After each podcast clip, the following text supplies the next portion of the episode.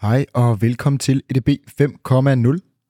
Det er podcasten, der zoomer ind på den nyeste bølge af EDB, eller AI, automatisering. Vi tager tech op af kælderen og ud i forretningen. Vi taler om, hvad det er, hvordan man bruger det intelligent, og kommer med real-life eksempler og erfaringer for vores verden. Husk, at du som altid kan dykke ned i shownoterne, så du kan se, hvornår i podcasten vi taler om det, som interesserer lige netop dig. Har du derfor ikke tid eller lyst til at høre alt, kan du nemlig vælge, hvad du vil lytte til. Dagens gæst hedder Daniel Højrigsbæk. Han er medstifter af AI-virksomheden SEO.ai, som er gået væk fra byråtankegangen og i stedet har lavet en SaaS-platform, som benytter sig af kunstig intelligens for at give kunderne et bedre resultat og en bedre oplevelse. Blandt mange andre ting skal vi i dag tale om, hvordan AI hjælper med keyword research, udarbejdelse af relevant indhold og benchmarking. Og så diskuterer vi naturligvis også sprogmodeller og generelt teknologisk udvikling. Velkommen til endnu en episode af ADB 5.0.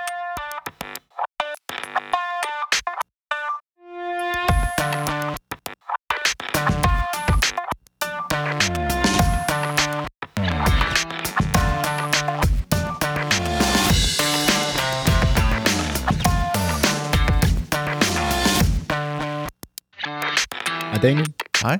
Velkommen til. Tusind tak, fordi jeg måtte komme. Jamen, det var en fornøjelse, og øh, jeg har jo lært dig at kende gennem, øh, gennem Kasper Junge, som har været en del af, af podcasten et par gange for at tale om, om ChatGPT og GPT-4. Øhm, og øh, han blev øh, for nylig ansat øh, hos dig i, øh, i SEO.ai, mm. og, og den måde så, så lærte jeg dig at kende, og, og, og din virksomhed at kende. Men øh, med al respekt for, for dig og for, og for SEO.ai, så kan de fleste lyttere, øh, eller er det ikke nødvendigvis de fleste lyttere, der ved, hvad, hvad virksomheden laver, eller hvem du er. Så hvis vi bare starter øh, der, så vi ligesom ved, hvem vi har med at gøre i studiet, kan du så ikke give en lille introduktion af dig selv? Jo, jamen øh, mit navn det er som sagt øh, Daniel Højrisbæk, og øh, jeg er medstifter af SEO.ai, en virksomhed, hvor vi hjælper ja, virksomheder rundt omkring i hele verden med at få bedre placeringer i Google ved hjælp af kunstig intelligens. Det er sådan øh, det, man kalder søgemaskineoptimering, hvor vi så har tilsat øh, kunstig intelligens, eller AI. Og det er jo derfor, du er her i dag, for det er det, vi skal tale meget mere om. Men hvor kommer du fra, og hvad har gjort, at du har stiftet et øh, søgemaskineoptimeringsbyrå øh, med fokus på, eller som bruger kunstig intelligens? Hvad er din baggrund for det, og, og hvorfor gjorde du det? Yes, jamen øh, min baggrund er, at jeg har en øh, kandidat ud fra CBS for mange år siden i erhvervsøkonomi og kommunikation, og så har jeg siden da stiftet og drevet et øh, ja, digitalt bureau eller appbureau, der hed Notes i sin tid, øh, som vi fik ud til nogle forskellige europæiske lande, og så kom der nogle japanere og opkøbte os, og så sad jeg efterfølgende som en del af den japanske organisation, og var med til at drive den som CEO på tværs af de her 15 øh, globale markeder rundt omkring i hele verden. Øhm, og så kunne jeg mærke, at jeg ligesom savnede iværksætteriet, og så tog jeg fat i en af mine gamle bekendte, Torbjørn Flensted, der drev SEO-bureau, SEO.dk, i rigtig mange år, og vi ville godt lave noget sammen øh, et ny type bureau, hvor vi er mere specialiseret. Øh, og så pludselig opdager vi, at, at kunstig intelligens, eller hvad man kan sige, de generative modeller, pludselig kan skrive på et niveau, som vi egentlig ikke havde lagt mærke til før, og det er cirka et års tid siden, øh, hvor vi kunne se, at de pludselig kunne noget, som man også kunne bruge i kommersiel sammenhæng, også på dansk, det ellers tit har været, været svært, og det, var, man sige, det, det har måske fungeret på engelsk, men det har ikke fungeret på dansk, og det kunne vi simpelthen se, at øh, det kunne de nu. Og så øh, droppede vi egentlig tanken om at lave et øh, bureau, og lavede så i stedet for en øh, softwareplatform, en øh, SaaS-platform sammen, den her SEO.ai, og så, øh, så gav vi at med det for cirka et års tid siden. Ja, og jeg bliver faktisk lidt nysgerrig, når du nævner, øh, at det er et års tid siden, fordi det, er det i november, at øh, ChatGPT, eller december, ChatGPT lanceres. Det er rigtig slut november, ja. Slut november, yes. Øhm, og det vil sige, at jeg allerede for et års tid siden, og nu skriver vi altså øh, maj 2023, øh, der så I, at de generative øh, modeller, også på dansk, var begyndt at kunne, øh, hvad kan man sige, tage fra. Hvordan var øh, situationen for et år siden? For der er jo virkelig sket nogle, nogle kvantespring inden for det her det sidste år. Ja, det er klart, at man kan sige, for et øh, år siden, der var jo også øh, langt færre spillere i markedet, men, men og teknologien, det er jo det, der er så vanvittigt, det går så stærkt. Teknologien var faktisk også på et helt andet stadie bare for et år siden. Men det var kommet dertil, at man godt kunne bruge det til ligesom et, et fundament til så at bygge videre på. Så hvis man sad som, som skribent og skulle lave en øh, SEO-tekst, så kunne man bruge det til at få genereret noget af teksten, og så arbejde videre med den, så den ligesom skabt, var med til at øh, hjælpe en med at få skabt det her draft Øh, og det var så det, vi lancerede øh, efter sommer. Øh, jeg tror, det var september sidste år, og så turnerede vi ellers rundt med det og viste, hvordan at, at nu var det nyt stadie. Og det, der var interessant, der var i forbindelse med ChatGPT, det var jo, at øh, vi ligesom viste folk den samme oplevelse, som vi selv havde haft det her med, at nu her kunne vi vise en platform, der rent faktisk var i stand til at lave noget meningsfuldt for dem. Øh, og det var de selvfølgelig meget overrasket over. Og så pludselig kommer ChatGPT, og så tager den, man kan sige, til at starte med blev vi lidt nervøse for, at tage den her sådan noget af vores edge, fordi nu er det pludselig alle, der kan se, øh, at den kan skrive. Og det er ikke bare gennem vores platform, de har adgang til det, de har også adgang til det gennem ChatGPT's eget øh, interface. Øhm, men, men det vi faktisk kunne ske, se skete, var, at det bare fik nogle af vores andre funktionaliteter endnu mere frem i spil. Øhm, fordi man kan sige, nu taler jeg meget om det, at den kan skrive, men det er jo egentlig kun en lille del af vores, øh, vores platform nu her. Øhm, ja. Ja, fordi at noget af det, jeg, øh, da vi talte sammen, så tænkte jeg, jamen altså, du har lige stiftet et, øh, et øh, CEO-bureau, og lige pludselig så kom ChatGPT. Betyder det så ikke, at, øh, at alle de bliver arbejdsløse, eller, eller mere eller mindre, eller arbejdsmængden i hvert fald skal skæres ned? Hvordan er det at øh, have stiftet et bureau? Jeg går ud fra, at det var med GPT-3-teknologien, mm, der var, ja. øh, lå til grundlag for, for det, det stiftede dengang. Ja så har det givet nogle usikkerheder efter, at øh, ChatGPT og GPT-4 er kommet? Øh, eller er det bare en, en, en, en anden kant i for, som du nævner her? Nej, altså man kan sige, det der er så fantastisk, øh, nu bruger vi blandt andet øh, OpenAI's øh, GPT-modeller til, til noget af det, vi laver. Vi bruger også en række andre teknologier, men, men det der er fantastisk er jo, at vores produkt jo som sådan bare bliver bedre, hver gang at OpenAI lancerer en ny model. Øh, GPT-4 er jo et godt eksempel, så den bruger vi selvfølgelig også til nogle af de forskellige elementer, og så pludselig outputtet bedre. Der er også nogle elementer, hvor vi stadigvæk holder fast i, for eksempel GPT 3,5, fordi den simpelthen er hurtigere og bedre til nogle andre ting. Så det er sådan lidt, øh, lidt forskelligt, men, øh, men man kan sige, det handler jo om i mange tilfælde om at tage de her modeller, og så finde ud af, hvordan kan man bruge dem til noget meningsfuldt. Øh, og hvordan kan man sætte den i spil sammen med enten andre data, eller andre metodikker, eller andre arbejdsopgaver, øh, som måske ikke passer til et, øh, et klassisk chat-interface. Og det er så det, vi har prøvet at gøre. Og det skal vi tale meget mere om her, øh, her om lidt. Yes. Øh, hvor mange er I i SEO, er Vi er, nu her i alt er vi oppe på 12. Øh, 8 fastansatte og øh, fire hvad hedder det, deltidsmedarbejdere. Og så leder vi faktisk efter et par stykker mere nu her. Og hvilke funktioner øh, har man? Har man øh, SEO-tekstforfatter, eller har man kun øh, data scientist, eller hvordan er fordelingen? Man kan sige, at vi har faktisk en, ja, en, en god blanding, vil jeg sige, men, men vi er tungest på udviklersiden. Så det er en kombination af, af klassiske front-end, back-end udviklere og så data scientist, øh, der ligesom udgør størstedelen af vores team. Og så har vi også øh, øh, den, min øh, partner og jeg, som øh, har en mere kommunikationsmæssig eller øh, byråbaggrund, kan du sige, kommunikativ baggrund. Øh, og så har vi også noget marketing tekstforfatter stadigvæk.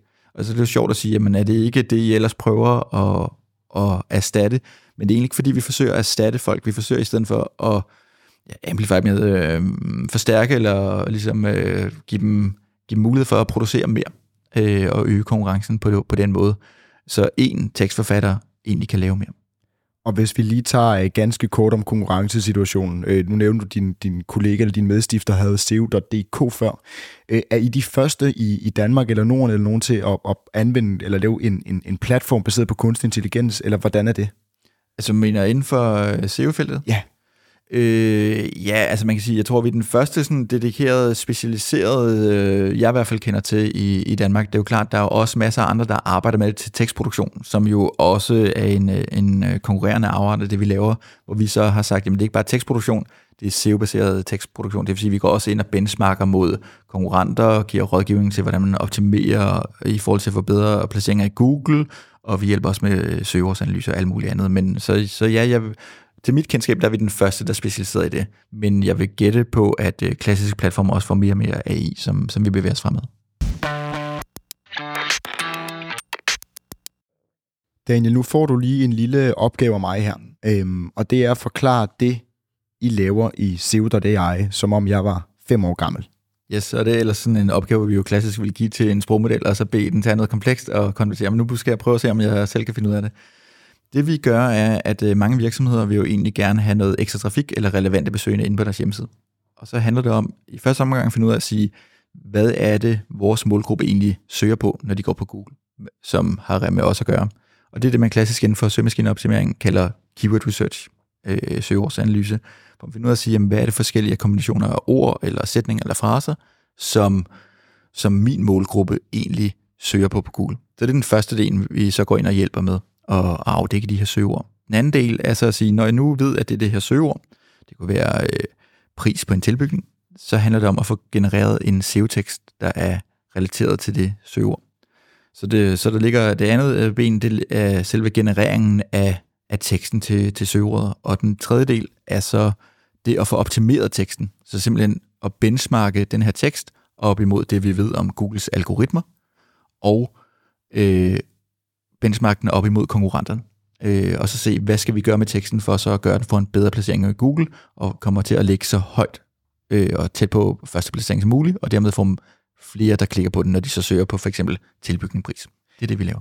Men det er vel det, alle SEO, enten bureau eller platform laver, ikke? Det er rigtigt, ja. Så, så lad os tage et spørgsmål til en million kroner. Yes. Hvordan adskiller I jer så, og hvordan bruger I den kunstige intelligens til at gøre det samme, som alle andre gør, men, men forhåbentlig endnu bedre? Ja, man kan sige, at alle de tre steps, jeg lige fortalte, det er den sådan klassiske øh, tilgang til det, og ligesom grundfundamentet. Det vi så har gjort, det er, at vi i stedet for, at det er en menneske, der sidder og gør det, bruger meget, meget tid på at gennemgå databaser lister med keywords, og øh, bruge tid på at skrive og forfatte, og så optimere efter nogle forskellige regler bagefter, så forsøger vi at få maskinen til at gøre så meget som muligt af det. Og det er det, vi arbejder på hver dag, at automatisere mere og mere af det. Det vil for eksempel være det at skrive, og få genereret et draft til selve teksten, ved bare at klikke en enkelt gang, og så genererer den en, en helt fuld tekst på måske 1500 ord eller, eller lignende, og så bagefter kan man sidde og optimere den. Og nu spørger jeg helt vildt dumt. Mm. Hvorfor gør alle ikke bare det? Altså hvorfor alle ikke får den til at generere teksten? Ja. Jamen, øh, man kan sige, det er der også mange, der forsøger at, at gøre, men det er ikke helt lige til at, at styre den. Der er noget med output og længde, så er der noget med kvaliteten, så er der noget med at forstå øh, kontekst. Øh, så det er sådan de, de forskellige grundlæggende ting, men der er ingen tvivl om, at der kommer til at være selve tekstgenereringen på sigt, kommer ikke til at være det, der bliver vores konkurrencefordel. Øh, for det kommer til at være allestedsværende af vores analyse af det. Det kommer til at, at være nemmere bare at sige, lav en tekst som det her. Så det vi også fokuserer på i højere og højere grad, det er at sikre, at der også er automatisering og AI, der bliver brugt til keyword research-delen og til selve det, der hedder optimeringsdelen. For det er klart, når alle pludselig har mulighed for at skrive nærmest uendelige mængder af tekster, så bliver det endnu mere vigtigt så at finde ud af at sige, hvordan sikrer sig, at min tekst er den mest kompetitive ude blandt de millioner, eller i nogle tilfælde milliarder søgeresultater på et bestemt øh, keyword, hvordan sikrer sig, at min er den mest optimeret blandt alle konkurrenterne. Øh, og derfor tror jeg, at de to andre ben øh, bliver vigtigere på sigt. Nu her er det klart, at det, der er mest øh, banebrydende for de fleste, det er, de oplever størst værdiskabelse. Øh, det vi også kan tilbyde, det er selve det, at den bare skriver for dem. Men på sigt tror jeg, at det andet bliver endnu mere vigtigt. Og kan vi dykke ned i de to andre ben så, hvordan man, øh, hvordan man gør det? Hvis vi starter med, med den her keyword research, som vi også vil, eller bruger kunstig intelligens til, hvordan gør man det? Yes, altså man kan sige, klassisk handler det jo om at finde ud af at sige, hvis du nu sidder, lad os bare tage øh, mit, et af mine eksempler, som er en arkitekt. Hvis du er en arkitektvirksomhed og ønsker, at din målgruppe skal finde dig, så skal du egentlig finde ud af at sige, hvad er det, de søger på. Og, og klassisk skal du sige, at jeg ved, at de søger på arkitekt, og så slår du det op, og så får du en masse øh, varianter af arkitekt. Der, hvor vi så kan bruge sprogmodellerne, i stedet for for eksempel at automatisere det, det er, at vi egentlig siger, og kan øh, arbejde med sprogmodellerne og, og sige, jamen hvis du nu er en arkitekt, og du ved, hvem din målgruppe er, så et, vi hjælper dig med at sige, hvis du er en arkitekt, der har det her, så din målgruppe er sandsynligvis dem her. Og når vi ved, at din målgruppe sandsynligvis er dem her, så kan vi også øh, gennem teknologi begynde at komme med øh, forslag og idéer til, hvad er det for problemer, din målgruppe egentlig har, og dermed, hvad er det for ord, de søger på. Og så kan vi begynde at slå op i forskellige databaser og datasæt, vi har adgang til, til at sige, øh, hvilke søger er det så, de søger mest på, og hvad søger de mindre på. Og, og dermed automatisere meget af det her. Spændende. Og hvad med øh, benchmarking af teksten? Yes. Jamen det er så den anden del, øh, selve den hardcore øh, øh, SEO-optimeringsdel af selve teksten. Og øh, der går vi ind og har nogle forskellige måder, at vi øh, scorer teksten på. Øh, nogle af de forskellige dele af, øh, af teksten. Vi går også ind og simpelthen kigger i Google på, hvem er, er konkurrenterne. Øh, og så analyserer vi også konkurrenterne ud fra en række forskellige faktorer. Men, men den sådan mest øh, konkrete, som man øh, også kan opleve, det er for eksempel en af de rigtig vigtige aspekter i søgemaskineoptimering, det er ens titel. Og der er vi simpelthen en algoritme, der så forsøger... Hvad, hvad, hvad er titlen? Ja, undskyld, din overskrift. Øh, yes. Ty, typisk, øh, altså overskriften øh, på, på dit øh, indhold, øh, hvor vi så går ind og hjælper med at score den. Øh, vi har sådan en, vi kalder den TCS-score, Title Competitive Score, og så kigger vi på en række forskellige parametre, som vi øh, øh, både ved øh, sådan, øh, historisk inden for SEO-verdenen, og som vi også har analyseret øh, 300.000 forskellige øh, titler, overskrifter på, øh, og så set på en række forskellige datapunkter for at finde frem til de her forskellige ting. Hvad er det egentlig, der giver en konkurrencefordel, hvis man, hvis man strukturerer sin, øh, sin titel rigtigt? Ja, fordi det er også noget af det, som, som jeg, øh, jeg har undret mig lidt over, eller øh, synes er, øh, er spændende. Det er, at din, din kollega har jo drevet SEO-bureau i, hvad er det, en, 10-15 øh, år? Ja, præcis. Det vil sige, at han har jo en, en, en masse know-how, og der sidder en masse byråer ude, der har en masse know-how, og lige pludselig så kommer den kunstig intelligens, og den er jo egentlig baseret på en masse store datasæt, som jo også bare er know-how. Altså, ja. hvad er foregået. Så hvordan spiller det sammen med det, skal vi kalde det, menneskelige know-how versus det, det tekniske know-how datasæt. Hvordan ser du det udfolde sig i, øh, på daglig basis, når I skal lave de her benchmarking-score og øh, keyword research på, hvad, øh, hvad det, var det Torbjørn han hed? Ja, Torbjørn Flindsted. Ja, så når Torbjørn sidder med en masse erfaring og siger, det er det virkede, men I kan også have noget data her. Hvordan foregår den menneskelige versus den kunstige yes, intelligens? vi forsøger selvfølgelig, og man kan sige, der er nogle ting, som man i hvert fald populært sagt ved. Man kan sige, nu er Google jo egentlig en, lidt en lukket øh, boks omkring det her, så de siger selvfølgelig løbende, nogle, har de nogle guidelines til, hvad de siger, der virker og ikke virker, og så har hele sådan, øh, SEO-communityet en række idéer om, hvad der virker og ikke virker.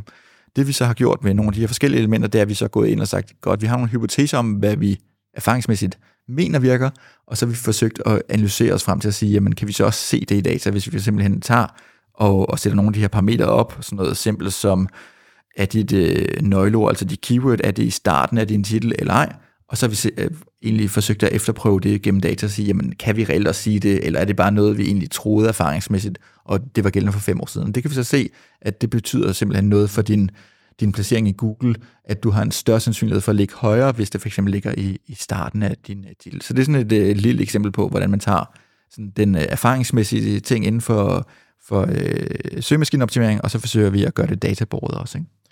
Ja, og du nævner noget, noget ret relevant her, for det er jo noget, man, man har hørt om i, i mange år, det der med, Google er en øh, lukket boks, og man vil hele tiden gerne snyde den her algoritme. Ja. Øh, og det er jo mig bekendt ikke lykkes nogen endnu at snyde algoritmen. Der kan du måske gøre mig øh, og lytterne klogere. Men kan man ved hjælp af øh, kunstig intelligens begynde at kunne, nu siger jeg i anførselstegn, snyde algoritmen, eller hvordan ser det ud? Jamen, det er egentlig ikke, fordi man, man kan sige, det vi i hvert fald prædiker meget, det er egentlig ikke, at man skal forsøge at, som sådan at snyde algoritmen. Det er selvfølgelig en kombination af, at man gerne vil forsøge at lave noget, som Google mener er så godt som muligt, men det man skal huske på, er, at Google forsøger egentlig hele tiden bare at finde frem til det bedste resultat for deres brugere. Øh, og det er også derfor, at det vigtigste er egentlig, at man sidder og tænker, hvordan laver jeg det bedst mulige indhold til mine brugere? Så når de søger på for eksempel tilbygning pris, så handler det om, hvordan laver du så det bedst mulige indhold, som egentlig matcher den søgeintention, de har, når de søger på tilbygningspris. Og så er det klart, så er der nogle forskellige småting, man så skal huske også, som man kan sige, det er måske ikke så vigtigt for brugeren, om, om nøgleordet står i starten, eller længere hen. Det kan nogle gange være, at det er nemmere for brugerne at afkode, når de ser et søgeresultat, at det, at det ord, de leder efter, står i starten. Men der er sådan nogle små ting, som man siger, det er så det, der måske i højere grad er målrettet Google, og ikke så meget øh, brugeren. Men det er rigtigt, der er ingen, der ved præcist, hvad det er for ting. Det er en, øh, I gamle dage talte man om 200 forskellige faktorer. I dag er der så mange forskellige øh, måder, at Google bruger kunstig intelligens, personalisering, alle mulige ting, at man kan ikke længere tale om et, et fast sæt. Så det er mere, der er nogle øh, best practice, der til sammen så gør, at dit, dit indhold kan ranke, men det er ikke fordi, der er fem enkelte parametre, man bare kan sætte kryds ved, og så, så ranker man højt. Det giver god mening. Og nu vi er ved snakken om Google, og nu har vi nævnt øh, OpenAI før, så kunne jeg stadigvæk godt tænke mig at, at, at tale lidt med dig om Google versus Bing. Fordi det at google noget har været en, en del af, skal vi sige, menneskeheden, eller i hvert fald alle øh, i, i Vesten med internet og så videre i, i 20 års tid nu, og Google har siddet massivt på markedet. Og øh, lige pludselig så begynder Microsoft at udvikle Bing, som er deres øh, søgemaskine, øh, meget bedre, også med hjælp af teknologi fra OpenAI. Ryster man i, i bukserne, øh, når man sidder og arbejder med, med SEO over et paradigmeskift, eller er det at google noget så integreret en del af øh, vores hverdag, at, at SEO stadigvæk kommer til at leve i, i, i bedste velgående? Eller kigger man over mod, mod Bing også, hvad de laver? Ja, man kan sige, jeg synes, der er egentlig to spørgsmål i, i det, du stiller der. Det ene spørgsmål er, flytter folk så fra Google til Bing? Det er det ene spørgsmål. Og det andet spørgsmål er i højere grad, øh, kommer Googles søgeresultater til at se helt anderledes ud. Og man kan sige, til det første kommer folk til at flytte over til Bing. Det tror jeg umiddelbart ikke. Jeg tror simpelthen, at Google er så, så dominerende, øh, og, og den brugeradfærd, der ligger, du siger det selv, at det er et indgroet øh, begreb, fordi at man bruger Google i dag. Øh, så det kan godt være, at der er et momentært, at, at Bing kunne blive bedre, men, men jeg tror simpelthen ikke, det er nok til at rykke folk øh, inden for en i hvert fald overskuelig periode nu her med det, det vi ser. Så det, så det er det ene. Skifter folk over, selvom at Bing kunne risikere at have et bedre resultat. Det er ikke det, man egentlig oplever, at de har øh, endnu. Øh, det tror jeg ikke. Øh, det andet er så at sige, hvad er Googles så modsvar, og hvordan kommer Google til at se ud i fremtiden? Og det synes jeg er, det er både langt mere komplekst, men også langt mere spændende at se på. Fordi der er ingen tvivl om, at man har været vant til øh, altså Google har jo rigtig mange forskellige måder, de allerede i dag bruger AI øh, eller maskinlæring og forskellige værktøjer til at vise dig forskellige søgeresultater på. Men det er ikke sikkert, så mange af dem egentlig har været synlige for brugeren, der i høj grad har selvfølgelig set nogle forskellige varianter af en søgeside. De ser også i højere grad billeder, og de ser også i dag shopping links, men ellers er de mere eller mindre vant til at sige, det er sådan den klassiske, du søger på noget, så får du vist nogle resultater, og så kan du klikke dig ind på nogle andre sider. Og det, der er det spændende at se, er, øh, hvordan Google med deres øh, ja, øh, BART og, og deres, øh, at det bliver internt kaldt Google Maggie, øh, hvordan de forsøger måske at omdanne den her klassiske måde, at og ikke bare vise, her kan du finde noget af svaret, øh, og så må du klikke dig videre og selv finde svaret på den her side. Det er klart, der er nogle måder, de også forsøger at fremhæve svaret i dag, men i høj grad måske begynde at fortælle nogle af svaret. Og det er selvfølgelig interessant at sige, jamen, hvad betyder det så for os, der sidder og arbejder med søgemaskineoptimering? Hvad, hvad gør det? Men der er ingen tvivl om, at Google er ved at transformere sig til noget andet. Men det har de gjort rigtig mange år allerede. Og, og den klassiske inden for SEO er, at man siger, jamen øh, øh, SEO er død igen, fordi det er blevet udråbt så mange gange, at nu gør, laver Google en ændring, og, og hvad sker der så? Det giver, det giver god mening. Så hvis vi lige hopper tilbage nu til det her med øh, tekstgenerering, som jo er et, et helt hot emne inden for ja, alt lige nu. Øh, jeg tror ikke, det er ikke et hot emne inden for noget, og hvis det er, så må I, må I gerne skrive til mig, øh, hvilket emne det ikke er.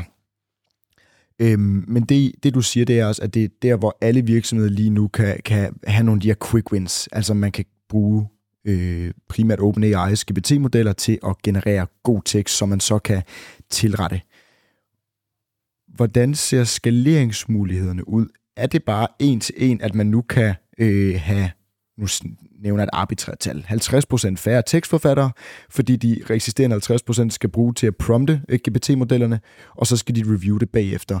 Eller kræver det at, at, at vokse inden for SEO-verdenen også med flere tekstforfattere? Mm, man kan sige, det, jeg synes, der er lidt det er den samme. Vi ser, at den diskussion, diskussion foregår meget, så det er klart, hvis man har det samme, hvis man skal have det samme output, hvis man skal have 10 eller 100 artikler, hvis man skulle have det tilbage i, i efteråret sidste år, og de sagde, at det var ens målsætning, og hvis man stadigvæk siger, at det er den samme målsætning, man har, jamen så er det klart, så kan man teoretisk skære ned på antallet af medarbejdere, eller antallet af timer. Det er ikke sikkert, at man har dedikeret medarbejdere til det. Så er det klart, så tager det ikke den samme tid at producere de 10 eller 100 artikler. Men det vi ser er jo, at de fleste virksomheder er jo i en konkurrencesituation. Så det kan godt være, at du siger, jamen, øh, jeg producerede eller leverede 10 artikler om måneden tilbage i efteråret, og nu kan jeg så gøre det samme, producere og, og lancere 10 artikler om måneden nu her, øh, men jeg behøver sikkert bruge lige så meget tid på at lave det. Men din konkurrent kan være, at de siger, jamen vi bruger den samme tid, som vi brugte tilbage i efteråret, men nu i stedet for at lancere 10, så kan vi lancere 50 eller 100 artikler. Og derfor jeg tror, at, at det, mange vil se til at starte med at sige, jamen okay, vi vinder kortmæssigt, og så tager vi besparelsen, men de glemmer bare, at det er ikke sikkert, at alle deres konkurrenter tager besparelsen, men de investerer i stedet for. Så jeg, så jeg synes, det er spændende, den her skæld med at sige, betyder det, at jobs forsvinder, eller betyder det bare, at man egentlig kan være mere effektiv og konkurrere hårdere? Og mm, jeg tror mere på, at det bliver det sidste, men det må vi selvfølgelig se. Ja, det, øh, det er jo et, øh, det er jo et øh, bud på fremtiden.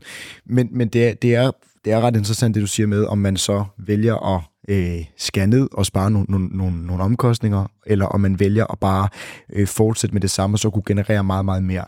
Vil det, øh, og nu taler du med en, der ikke ved ret meget om SEO, vil det altid give mening at producere mere, eller vil det nogle gange give mening at sige, ved du, vi behøver faktisk ikke mere end de her 10, og så kan vi altså spare 50% på, på medarbejderomkostninger? Ja, og, og der, der er selvfølgelig sådan et irriterende svar, det kommer an på. Det kommer an på, hvilken, det kommer an på, hvilken konkurrencesituation, det kommer an på ens øh, målsætninger, og det kommer også an på, hvad gør dine øh, Øh, konkurrenter og andet. Ikke? Så, vil sige, så det er jo sådan noget, at, at er meget forskellige, de forskellige virksomheder, og, og hvad det er for en strategi, man egentlig har anlagt. Og det er klart, der er selvfølgelig også et, et cap på, hvor meget der er meningsfuldt at lave, og igen, det kommer tilbage til den her søgeårsanalyse, man skal selvfølgelig hele tiden se, er der noget relevant, vi kan lave, er der noget meningsfuldt, vi kan lave til vores brugere, så man ikke pludselig sidder og har en arkitektvirksomhed, der skriver om bananer, bare fordi de kan, og bare trykke på en knap og gøre det, øh, det vil også skade dem google Så, så det er klart, det er ikke bare sådan u- uendeligt, det man skal pro- producere.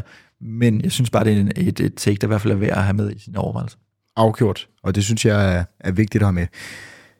Lad os hoppe lidt hen mod øh, SEO.ai og, hvad kan man sige, forretningsmodellen. Nu er det ikke fordi, du skal sidde og udpersonere de, de dybeste forretningshemmeligheder her i, her i podcasten, men du nævner også, at I gør det anderledes. I er gået fra, eller I ikke gået fra at være et bureau, I, I går fra de typiske byråer, som er derude, til at være en, en platform, man kan købe sig ind på. Yes. Kan du ikke fortælle lidt mere om, hvis jeg som virksomhed, hvis jeg som arkitektvirksomhed vælger at, at købe jeres produkt, hvad er det så, jeg får?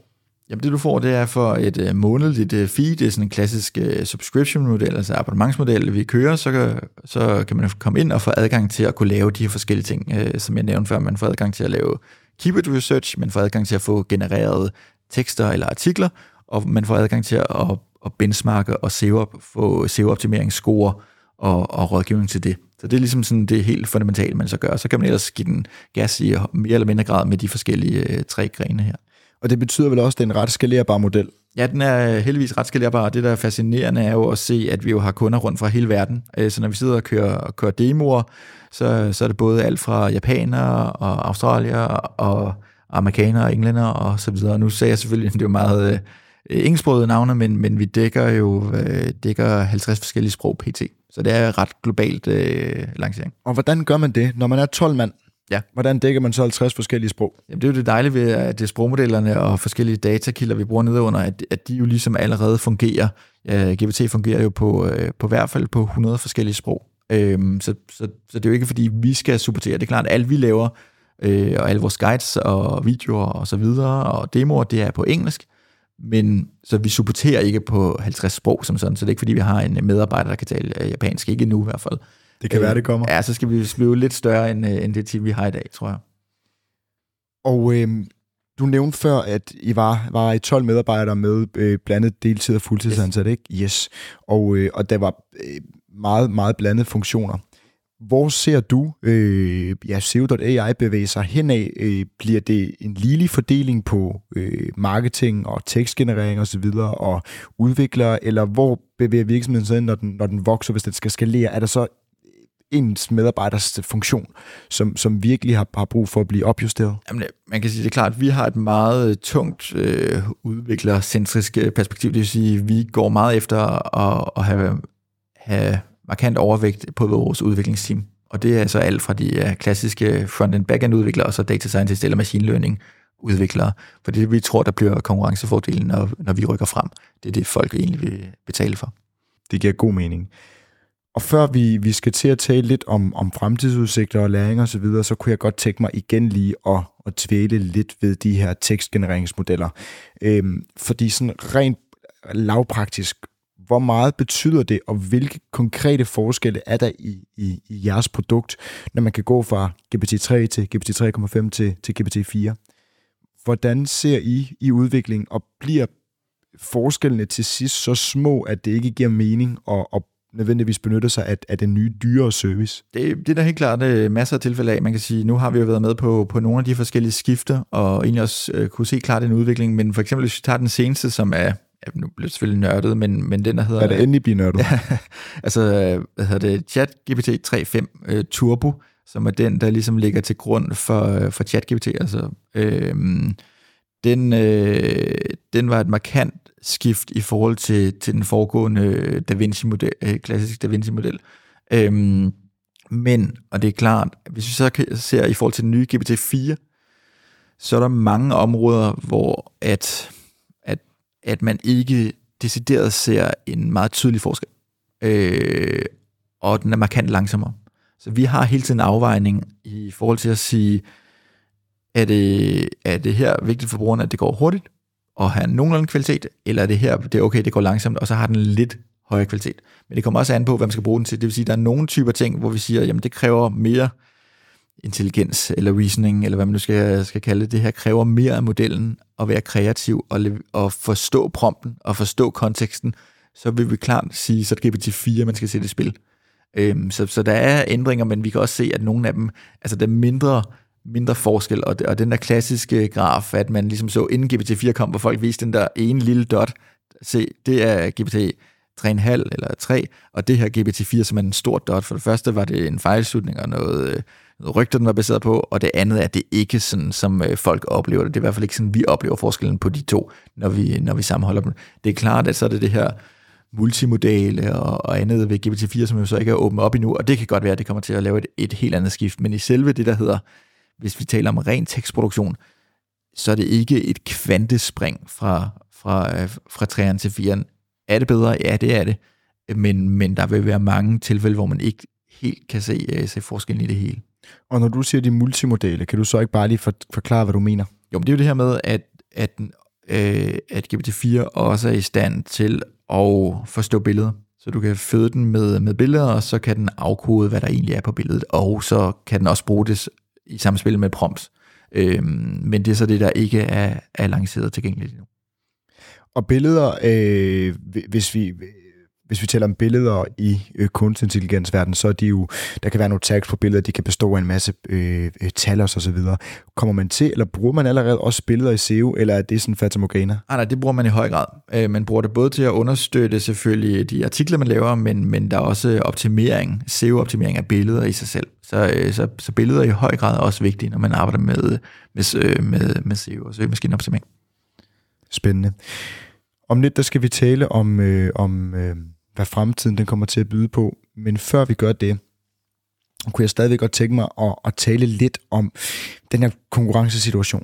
Fordi når du sidder og fortæller mig alt det, I laver, så lyder det jo øh, genialt, og hvis jeg stifter min egen virksomhed i morgen, og jeg skulle øh, frem på Google, jamen så vil jeg jo naturligvis anvende et produkt, nu er jeg også meget tech-orienteret, men anvende et produkt, som, som ligesom øh, for det første er en, en, en platform, og den er meget, øh, den er baseret på data og, og kunstig intelligens. Ser du et skift i markedet, hvor, hvor alle kommer til at lave det her, eller er det så unikt, fordi I har nogle unikke kompetencer, eller hvordan? Nej, altså man kan sige, der er jo ingen tvivl om, at vi er jo ikke de eneste i feltet i verden. Øhm, vi øh, har forhåbentlig så en positionering, der gør, at vi også har vores eget domæne, hvor vi kan være specialisterne og de bedste. Men det er jo ikke, fordi der ikke findes nogen, for eksempel, der laver øh, tekster simpelt for dig. Og det er ikke, fordi der ikke findes nogen platform, der forsøger at SEO-optimere eller gøre begge delene samtidig. Vi ønsker så at være dem, der er de bedste til at kombinere det og lave keyword research for lavet indhold og SEO-optimere det. Øh, det er så det, der vil vores speciale, men der er selvfølgelig også andre platforme derude. Daniel, her til sidst, der kunne jeg godt tænke mig at, øh, at høre om nogle af de, selvom det er kort tid, nogle af de erfaringer, du har gjort der inden for et år, men jeg tror til gengæld også, at et år inden for den generative verden er øh, svaret til, til 10 år. Er det, er det ikke sådan noget 100 år? Det er 14 år eller et eller andet. Det må være, det må være et 100 år, eller ja. øh, øh, hvad vi ellers skal kalde det. Øhm, og så lidt om, hvor du ser fremtiden bevæge sig ind, selvfølgelig med fokus på, på kunstig intelligens. Men hvis vi starter med nogle af de læringer, øh, du har gjort der, kan du så ikke prøve at, at give øh, mig og, og lytterne et indblik i det?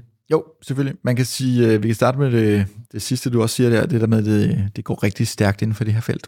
Øhm, og det gør også, at man er nødt til hele tiden at iterere meget øh, aggressivt på de ting, man laver. For det, man lavede for et par måneder siden, det kan pludselig nærmest være outdated, fordi man nu kan lave det endnu mere avanceret. Øhm, og det er jo ikke altid det samme i sådan en klassiske software-ting, hvor hvis du har et CRM-system, så er det ikke fordi, at grundmekanikken pludselig bare bliver outdated et halvt år eller et år efter, men det kan du godt inden for det her felt, og det er selvfølgelig det, der, det vi specialiserer os i, og det vi ønsker at levere til folk, det er jo den her automatisering, så kunstig intelligensdel, og dermed er det også det, man er nødt til hele tiden at være på forkant med. Så det går simpelthen så stærkt. Så det, øhm, det er den ene øh, lønning, at vi er nødt til at iterere meget, meget kraftigt, og vi har også meget svært ved at lave meget lange roadmaps, simpelthen fordi vi ikke ved, hvor er vi, hvad muligheder er der om nærmest 3 til seks måneder? Det ved vi ikke. Altså, der findes ikke årsjul i, i SIV, der er Nej, der findes ligesom nogle retninger, vi ved, øh, vi vil gå i, øhm, og ligesom nogle store overordnede ting, vi, vi ved, der skal være de næste ting at fokusere på, men vi kan ikke nødvendigvis sige noget om, om timing på de forskellige dele, også fordi der kommer løbende ting ind. Men, men kan man omstille sine medarbejdere til det? Ja, det, dem vi har med ombord er så medarbejdere, som er gode til at håndtere den, den type ting, og, og det er en del af det, der ligesom er præmissen på at være med på vores hold, det er, at det er ekstremt agilt og iterativt, og du ikke bare får lov til at sidde med noget i 3-4 måneder og så lancere, for hvis vi gjorde det sådan, så ville det nok være outdated hver gang vi lancerede noget. Yes. Så det er, det er i hvert fald en lønning. En anden lønning, det er jo den her med at arbejde med de her sprogmodeller, ikke er som at lave sådan en klassisk udvikling, for du ved ikke, hvad outputtet er hver gang. Og det vil sige, at du skal virkelig ind og tøjle, tøjle det, når du begynder at hjælpe og gøre det på vegne af andre og lave det som et offering, øh, så skal man øh, tænke det på en anden måde. Fordi det er ikke, at 1 plus 1 giver ikke 2 hver gang. Øh, og det er også en learning, man skal give videre til brugerne. At de er simpelthen nødt til at acceptere, at en imellem, så er der noget støj eller noget mærkeligt, og så er man nødt til at slette det, og så bare gøre det igen.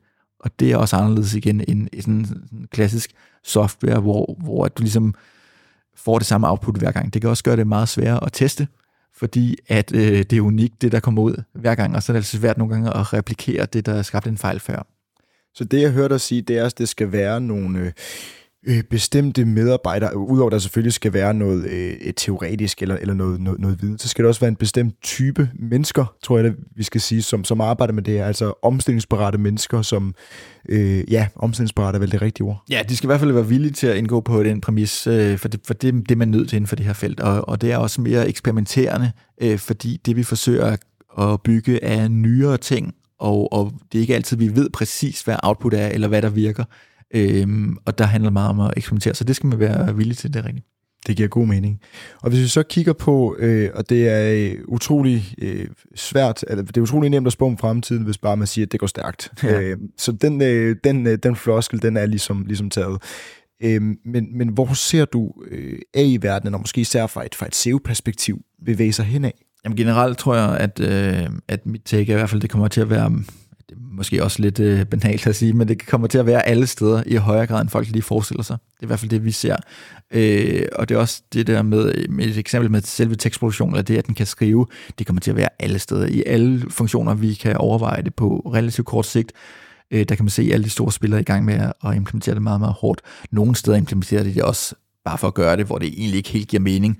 Øh, men det er jo nok den her teknologi. Teknologi for, for teknologi. Ja, præcis. Skyld, og, og, og, og ligesom, jeg tror også, hvis du kigger på mange af de startups, der, der kommer ud af sådan noget som uh, klassiske Y Combinator, der er den her uh, meget kendte, uh, kendte hvad hedder det, um, funding ting, uh, funding-program i USA, der er langt største del i dag, har også AI med på en eller anden en eller anden grad. Det er ikke sikkert, at de egentlig er anderledes, end de var tidligere, men nu ved de bare, at de også skal pitche og have en AI-del, fordi det er så hypet. Så ja, vi ser det, ser det alle steder. Øh, men jeg tror, at igen, det bliver en af de her klassiske ting, at som igen endnu en floskel, men på, på, på kort sigt øh, overvurderer vi, hvor hurtigt det går, og på lang sigt under vi, undervurderer vi, hvor, hvor stor betydning det kommer til at have. Men, men hvis vi kigger inden for, for SEO, øh, der er der jo egentlig to, to steder, det kommer til at påvirke. Det ene kommer til at påvirke selve den måde, man arbejder med SEO på. Det er ben, som vi ligesom hjælper med, kan man sige, fordi at, at der er mange af de her manuelle processer, hvor det giver mening at få hjælp fra teknologi på en anden måde, end man har været vant til. Øh, så det er det, det ene, det helt klart kommer til at skifte. Men vi kommer også til at se, at, at fremtiden for, hvordan man søger, kommer til at være meget anderledes. Øh, så selve det her søgeresultat, som vi allerede har været inde på, det kommer til at transformere sig. Måden, at man får resultater og svar fra, fra Google og andre tjenester, som Bing, kommer til at transformere sig, og jeg tror også, på et eller andet tidspunkt begynder vi også, man, kan, man har i rigtig mange år inden for SEO talt om, nu kommer voice search. Øh, det er så bare ikke skidt endnu. Og jeg tror også meget, det skyldes, at teknologien simpelthen bare har været for dårlig. Øh, ligesom det har været med, øh, med Google Glasses og alt muligt andet. Det har bare været noget, noget bras, som, hvor man har haft teknologiberejsning, men reelt har det ikke rigtig virket. Men man kan se med den udvikling, der er nu inden for de her forskellige øh, ja, teknologier, at så kommer det til at blive mere naturligt også at kunne spørge. Det er ikke fordi, jeg tror, at det egentlig flytter det andet og minimerer, hvor meget der søger på computeren, men vi kommer til at se den også vokse. Det er en af de afledte effekter på et eller andet tidspunkt.